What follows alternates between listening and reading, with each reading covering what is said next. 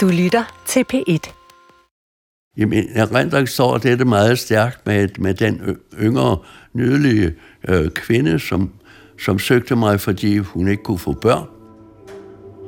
Lægen Hans Jørgen Finger er på arbejde på Dronning Ingrids Hospital i Nuuk i 1977.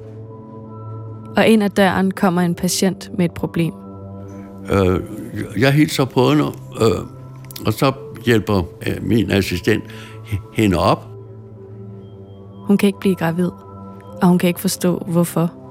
Jeg går så i gang med instrumenter og, kigger op og holder til side. Og det første, jeg ser til min forbløffelse på, på hendes livmor, er, at der hænger en tråd ud. Og så trækker jeg i den, og så viser det sig at være en spiral. Hans Jørgen Finger står lidt forfjamsket med den lille dingenot mellem fingrene. Selve årsagen til, at kvinden ikke er blevet gravid. Så spørger jeg hende, om hun har fået lagt nogen op. Nej, det mener hun ikke, hun har. Og så er jeg jo klar over, at det her passer ikke sammen. Men øh, en kvinde, der vil have børn, har selvfølgelig ikke øh, øh, øh også en spiral. Det er sådan, at Finger første gang støder på efterdønningerne af spiralkampagnen. Normalt lægger man jo ikke en spiral op, medmindre patienten ønsker ikke at få børn. Hun vidste det ikke. Vi er kommet på sporet af spiralkampagnen.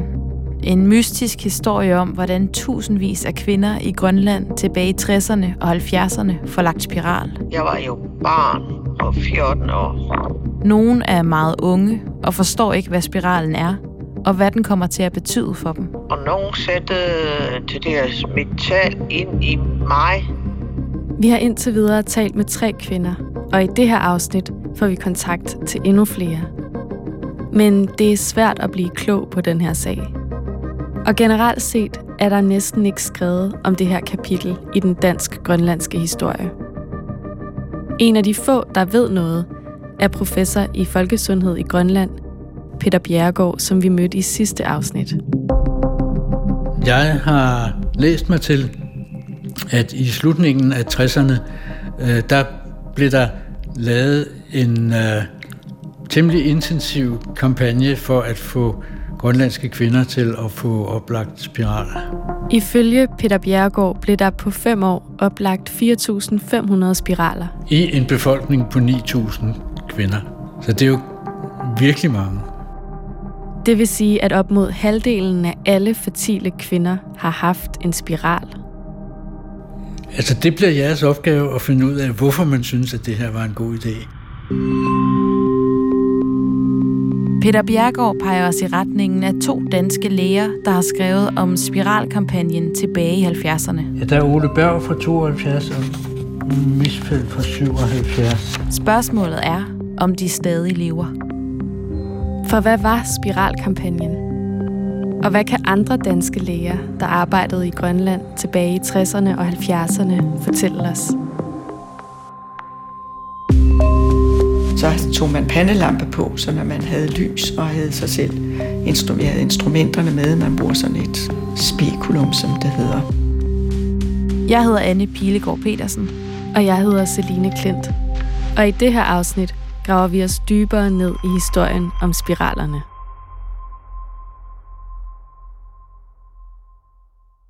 Det er ligesom om kroppen husker, og så bliver det hele altså reaktiveret fra dengang. Så vælger det hele op igen. Jeg har frosset ned i, i mange, mange år. Naja Lybert er en af de kvinder, der i første afsnit af den her serie fortæller om at få spiral som helt ung. I alle årene siden har det været gemt væk. Men da hun kommer i overgangsalderen, kommer følelserne og det fysiske ubehag fra den gang væltende tilbage. Jeg skriver på Facebook, øh, jeg spørger til folk, om andre har været udsat for det samme som mig. Og så begynder det at rulle, at rigtig mange har været udsat for det.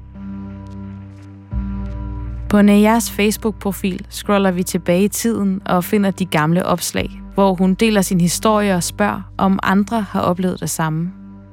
På de tre forskellige opslag, hun har postet, er der i alt over 200 kommentarer. Og her er de fleste kvinder, der skriver, at de har oplevet noget, der minder om.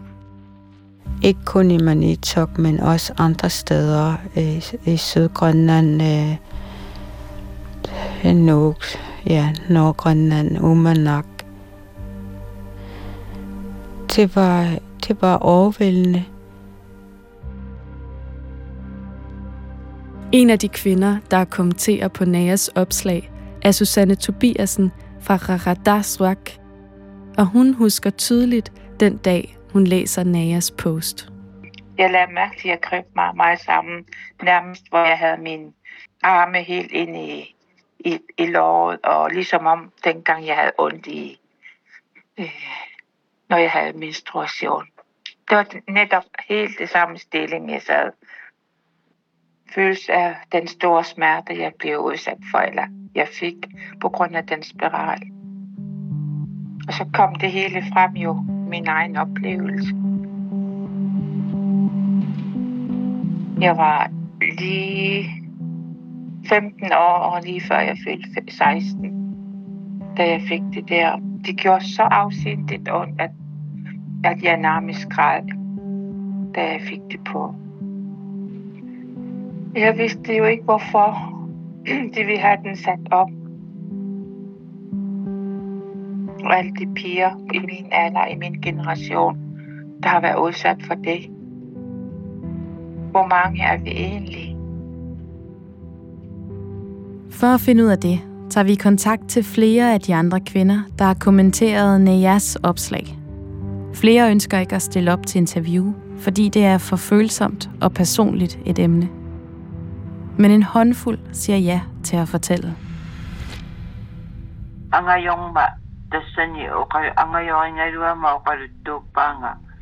En af de kvinder, vi får kontakt til, er Elisi Bangwak Jeremiasen fra Khasienguit.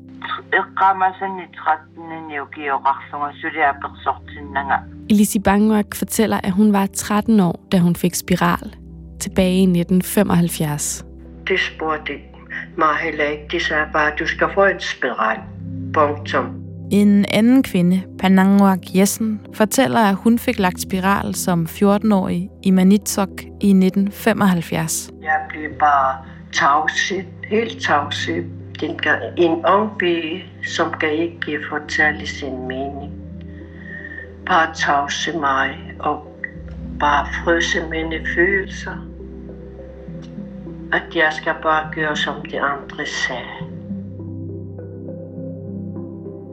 Det var min klasselærer, som var enormt sød. Hun er meget omsorgsfuld.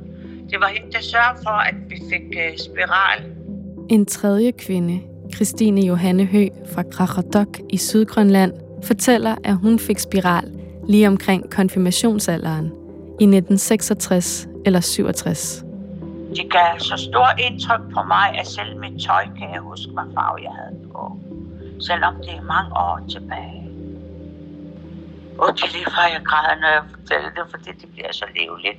Det er en område, jeg aldrig snakker om. En fjerde kvinde, som ikke ønsker at blive interviewet, kommenterer under Neas Facebook-opslag, at hun fik lagt spiral som 16-årig, og at den gav hende så mange underlivsbetændelser, at det efterfølgende tog hende 10 år at blive gravid.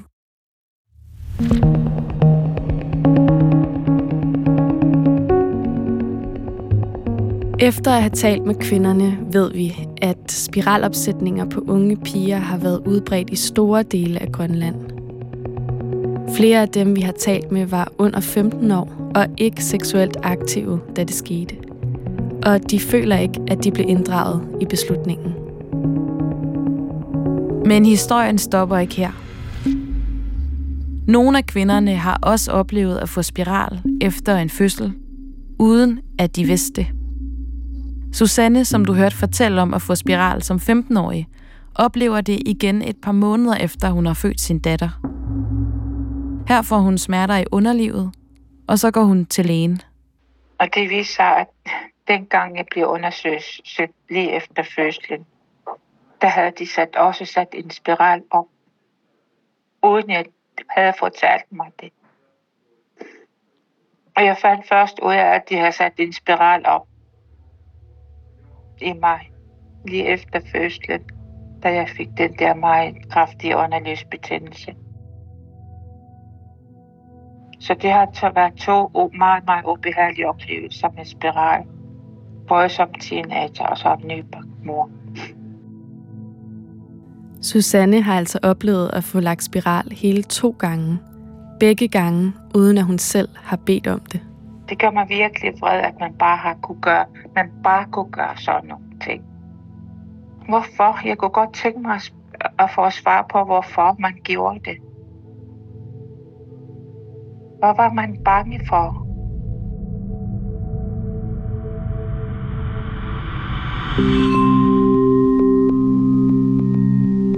Hvorfor gjorde man det? Og hvad var det, man var bange for? De spørgsmål vil vi forsøge at finde svar på. Når så mange kvinder har fået spiral i kampagnens tid, så må vi gå ud fra, at der har været nogen, der har været glade for den, og som har forstået, hvad den var. Men vi har altså også nu talt med flere, hvor spiralen har haft store og ubehagelige konsekvenser, og hvor der ikke har været samtykke. For at finde ud af, hvad der er sket, må vi søge tilbage i tiden. Tilbage i arkiverne. Til da Grønland var en del af Danmark og administreret af det, der hed Grønlandsministeriet i København. Det ministerium blev nedlagt i 1987, men alle ministeriets arkiver ligger i dag i Rigsarkivet. Okay. Og det kan man ikke bare sådan lige få adgang til. Så Men vi ansøger om tilladelse til at gennemlæse de gamle dokumenter, der må være derinde. For når Grønland var et dansk amt, formelt set på lige fod med amter som Vejle og Fyn, og administreret fra København, så må de danske myndigheder vel have været inde over den her spiralkampagne. Spørgsmålet er bare, hvordan? det er spændende, hvad der ligger derinde. Mens vi venter på svar fra Rigsarkivet, går vi på opdagelse i DR's arkiv. Må vi få lov til sammen med frøken Bengtsen også over sygeplejersken og gå en tur gennem hospitalet, se ind på stuerne? Ja, værsgo. Det du hører her er en reportage fra hospitalet i Nuuk. Det der dengang hed Godt Håb. Optaget i 1952, og programmet hedder Problemernes Land. Det der, det er vores fødestue. I hele taget synes jeg jo, der er mange børn her. Ja, vi har, vi har ualmindeligt mange børn, særligt i øjeblikket. Nogle af 20. Nogle 20. Nogle af 20 i øjeblikket, ja. En kommode er også taget i brug. Så har vi om på en kommode, og den er næsten altid beboet i den tid. Og her er der altså så mange børn, at en kommodeskuffe bliver brugt som vugge. Ja. Og det er også børn med tuberkulose alle. Ganske små. Ganske små, ja. Den lille fyr, der ligger der, er jo ikke ret gammel. Nej, han er ikke mere end øh, halvt år, ja. Er det lungetuberkulose i de Det er fleste tilfælde? lungetuberkulose i alle dem herinde. Alle dem her. Ja. De ligger jo alt for tæt. Her i 1950'erne har Grønland verdens højeste forekomst af tuberkulose. Og det er et af de problemer, man fra dansk side går i gang med at bekæmpe ved at bygge et nyt sundhedssystem op. Indvielsen af det store sanatorium i Godthåb i dag er nok den største begivenhed i bekæmpelsen af tuberkulosen i Grønland. Her er det dronning Ingrid, der i 1954 holder tale i forbindelse med åbningen af det, der i dag er kendt som dronning Ingrids Hospital. Jeg er stolt og glad over, at sanatoriet bærer mit navn. Den danske stat er i samarbejde med ledende grønlandske politikere i gang med en kæmpe modernisering af Grønland. Ser man ud over Godthåb by i dag, må den nærmest sammenlignes med en nybyggerby. Der bygges og der laves veje, der trumles og laves byplan. Der kører bus mellem skibshavn og kolonihavn. Efter at Grønland i 1953 bliver indlemmet i den danske stat, bliver der nu bygget nye, bedre boliger, veje og skoler og hospitaler. Her er gaffeltrucks, tromler, jeeps, cykler og store, tunge lastbiler. Og det hele foregår i et hissigt tempo. Og engang bliver det vel også grønlænderne selv, der besætter de fleste af stillingerne i forbindelse med nybygningen. Med de forbedrede boligforhold og det nye sundhedsvæsen, der nu rulles ud, falder børnedødeligheden, tuberkulosen bekæmpes, og levetiden bliver forlænget. Og det betyder, at den grønlandske befolkning vokser voldsomt i de her år. Halvdelen af befolkningen er under 15 år. Halvdelen af alle mennesker her er børn. Okay, så fik vi det på plads. Så er historietimen overstået. Men det hænger faktisk sammen med spiralen. For da vi får fundet lægen Ole Bergs artikel fra 1972, den professor Peter Bjergård pegede os i retningen af, har den titlen Spiralen og den grønlandske fødselsrate. Og her beskriver Berg, hvordan Grønland i slutningen af 50'erne og ind i 60'erne oplever en befolkningseksplosion, hvor befolkningstilvæksten er den største i verden. Det vil sige, at den grønlandske befolkning på det her tidspunkt er den, der vokser hurtigst af alle. Og det her eksplosiv befolkningstal er netop baggrunden for at starte det, Berg kalder en spiralkampagne. Og han er faktisk selv med til at udrulle den i byen Narsak, hvor han er læge. I artiklen skriver han, Fra begyndelsen lavede vi en intensiv informations- og undervisningskampagne. Af flere omgange blev der trykt informative artikler i den lokale avis. Der blev hængt plakater op i venteværelset på hospitalet, og pamfletter på dansk og grønlandsk lå i alle konsultationsværelser. Og der blev givet flere foredrag i forsamlingshuset. Berg er selv stolt af kampagnen, fornemmer man i artiklen. Og ifølge ham, så er den sket for fuld udblæsning. Man har nærmest ikke kunne undgå at høre om spiralen. Men han skriver ingenting om, hvordan den er foregået helt lavpraktisk mellem lægen og kvinden. Men ifølge hans tal slår effekten hurtigt igennem. Efter spiralkampagnen har kørt i kun to år i byen Narsak, er den så succesfuld, at Berg anslår, at en tredjedel af de fertile grønlandske kvinder i byen har fået oplagt spiral. Og det kan man altså også virkelig se på fødselstallet, som falder fra 85 børn født i 1967 til kun 25 børn født i 1970. Og til det skriver Berg. Det er derfor forståeligt, at jordmoderen i sin fritid, som hun nu har meget mere af, er begyndt at køre taxa i sin lille private bil. Jordmoren i byen har altså nu så lidt at lave, at hun er blevet taxachauffør. Bergs artikel giver os et lille indblik i, hvad der er foregået i en enkelt by i Grønland. Det vil vi gerne høre mere om, så vi prøver at finde frem til Ole Berg, men opdager, at han desværre ikke lever længere. Så er der den anden læge, som professor Bjergård pegede os i retningen af. Jens Misfeldt. Det er fra hans forskningsartikel, at Peter Bjergård har tallet de 4.500 spiraler fra. Så Misfeldt vil være rigtig interessant at tale med. Han viser sig desværre at være gået bort for nylig. Men igennem en fransk klub, som han engang var næstformand for, får vi kontakt til hans kone Susan. Ja, er lyden god? Ja, det lyder nemlig rigtig godt. Nå. Ja. Og derfor sidder jeg nu i Susans stue med udsigt over vandet. Jeg hedder Susan Govers Misfeldt. Jeg er pensioneret læge. Susan Misfeldt fortæller, at hun også arbejdede som læge sammen med sin mand i distriktet Asiat i Vestgrønland fra 1973. Inden man dengang kom til Grønland, så kom jeg også kom man på et kursus i København, som blev arrangeret for læger, der skulle til Grønland. Men der skulle vi jo lære forskellige ting.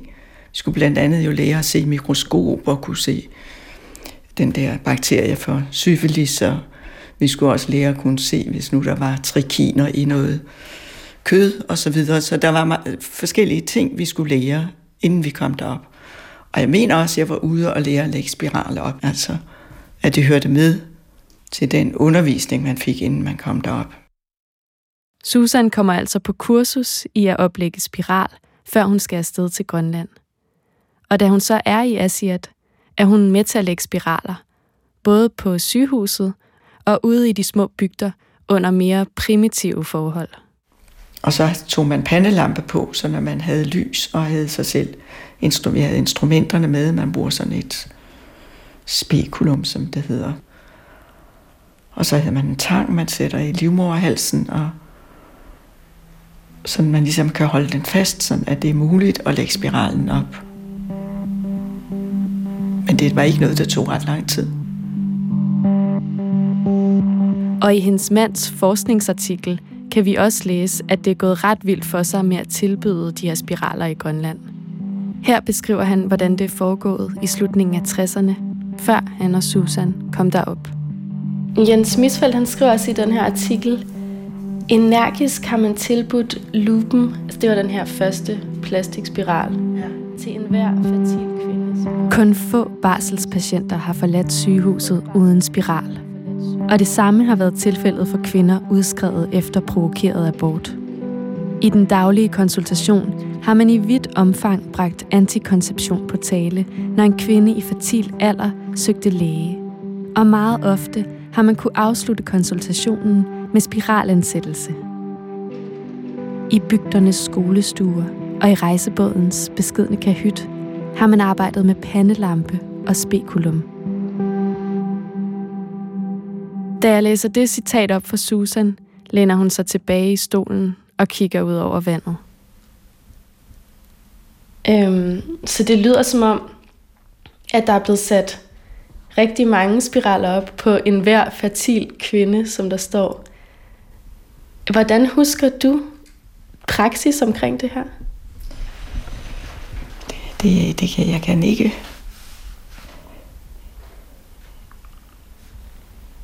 Jeg kan ikke huske, at det var noget, Ja, altså... Men mindre at de havde født eller fik abort, så kan jeg ikke huske, at det var noget, man sådan... Jeg selv tog meget op, det kan jeg ikke huske. Og jeg kan sådan set heller ikke huske, jeg ved ikke, hvad unge piger de kom i konsultationen for, medmindre de var syge eller fejlede noget andet. Eller de selv ønskede det. Så, så jeg husker ikke, at det var noget, jeg som fyldte noget, at hvis du kom med en eller anden, anden sygdom, lungebetændelse, så begyndte at tale om, om spiral. Det husker jeg ikke. Det tror jeg ikke. Jeg kan ikke forestille mig, det, at jeg gjorde, at det, det var sådan. Hvad var det for nogle kvinder, der kom og skulle have spiral op der? Ja, som regel var det jo, efter de havde født, efter en fødsel, så var det jo noget, man altid talte naturligt med dem om, om de ønskede prævention og hvilken form de ønskede. Og så var der jo dem, der fik foretaget abort. Så altså, jeg, jeg ville aldrig sætte en spiral op, uden at jeg havde fortalt, hvordan det foregik. Og om det var det, hun ønskede. Grunden til at spørge så meget ind til det her, er fordi vi har talt med nogle grønlandske kvinder, som kan berette, at de oplevede at få sat spiral op som 14-15-årige, og hvor de ikke føler, at de blev hørt har du hørt om det? Nej. Nej. Altså man kan jo sige, at vi, vi var jo også isoleret. Ikke? Altså man, vi havde jo meget lidt kontakt med andre distrikter, når man sad. Man kunne jo ikke lige rejse hen til dem. Som Susan siger, er lægerne på det her tidspunkt meget isoleret. Der er nemlig 17 lægedistrikter spredt ud over Grønland, så der kan have været vidt forskellig praksis i forhold til det her med spiraler rundt omkring hos hver enkelt læge. Og vi ved stadig ikke, om enkelte læger altså måske har handlet på egen hånd i forhold til det her med spiralerne, eller om spiralkampagnen er noget, der er dikteret ovenfra. Men ifølge Susan selv, har hun altså aldrig oplevet, at kvinder har fået spiral, uden at de var informeret om det og gav samtykke til det. Men øh, selvfølgelig har læger også været forskellige.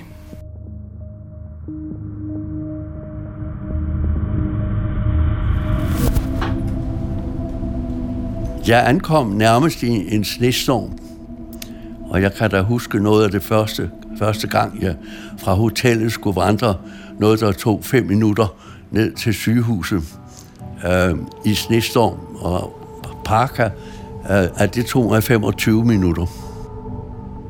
Vi har let og let efter læger, der har praktiseret i Grønland i 60'erne og 70'erne. og de er svære at finde. Mange af dem er døde. Men vi har fundet frem til lægen Hans Jørgen Finger, der kommer til Nuuk i 1976. Jeg regnede med højst at være væk i to år. Men vi blev hængende i 23 år. Og som du hørte i begyndelsen af det her program, er det, da Hans Jørgen Finger tilser en kvindelig patient, der ikke kan få børn, at han støder på noget mystisk. Det første, jeg ser til min forbløffelse på, på hendes livmor, er, at der hænger en tråd ud. Og så strækker jeg i den, og så viser det sig at være en spiral. Og så spørger jeg hende, om hun har fået lagt nogen op. Nej, det mener hun ikke, hun har. Og så er jeg jo klar over, at det her passer ikke sammen. Så Finger går til sin overordnede og spørger, hvordan det kan være, at han lige har haft en patient, som ikke selv vidste, at hun havde en spiral. Da jeg så spørger, så fik jeg at vide, at man i en periode havde lagt spiralen op rutinemæssigt, uden at spørge kvinderne. Så man gjorde det uden samtykke? Uh, det er der ikke nogen tvivl om. Det, hvis, for, hvis de har, der, der, kan have været, der kan have været mennesker, der har bedt om det. Men, men man gjorde det altså også uden samtykke. Så vidt jeg ved over hele linjen. Fanger bekræfter altså, at der er foregået noget lyssky med de her spiraler. Kort sagt, så opsummerer han meget konkret, hvad vi ved nu. Altså, vi, vi ved, at det blev gjort. Og vi ved også, om, vi ved om, om nogle af grundene, man var bekymret for, at børnene myldrede frem. Øh, øh, man kan jo se det, øh, altså, de tal, der, der er, er fødetallene, øh, hvor, hvor, at de blev halveret, og blev ved at være halveret. Det var altså en bekymring for, hvordan det skulle gå befolkningen. Det var altså et samfundsmæssigt hensyn, hvor man udmærket vidste, at man, at man overtrådte nogle etiske regler. Og man regnede måske også kun med, at det kunne gå en tid. Øh, men jeg mener ikke, jeg mener ikke, da jeg ankom, der, der, der, der er jeg ikke viden om, at der blev lagt, at der blev lagt øh, spiraler op, uden at, at, at, at kvinden selv ønskede det.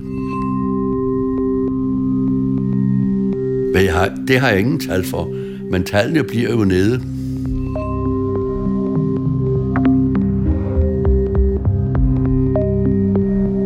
Ifølge Finger er selve kampagnen altså ophørt, da han kommer til Grønland i 1976.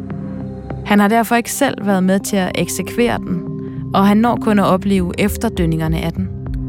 Men som han også selv siger, så bliver fødselstallet nede langt oppe i 70'erne. I de år, hvor flere af kvinderne, vi har talt med, får lagt spiral. Så måske har Finger ikke selv været en del af det, men det må der være andre læger, der har.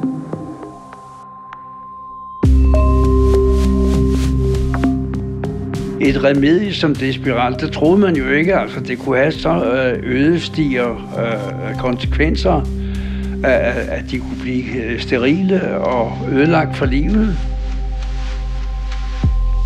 Det vidste man jo ikke. I næste afsnit taler vi med endnu en dansk læge, der arbejdede i Grønland i 70'erne, og som viser sig at vide en hel del om spiraler. Shit, der er meget. Der er helt vildt meget. Og så får vi endelig svar fra Rigsarkivet. Og her begynder historien at åbne sig endnu mere op. Sagsbetegnelse. Familieplanlægning. Måske kan vi nu finde ud af, hvor den her kampagne kommer fra. Hvad er tankerne bag den, og hvem sætter den i gang?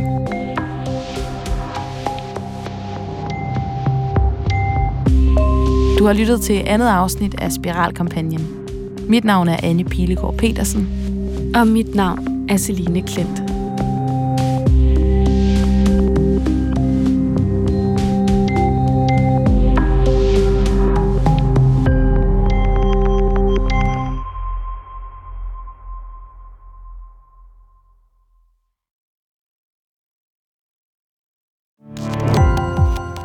Gå på opdagelse i alle DR's podcast og radioprogrammer. I appen DR Lyd.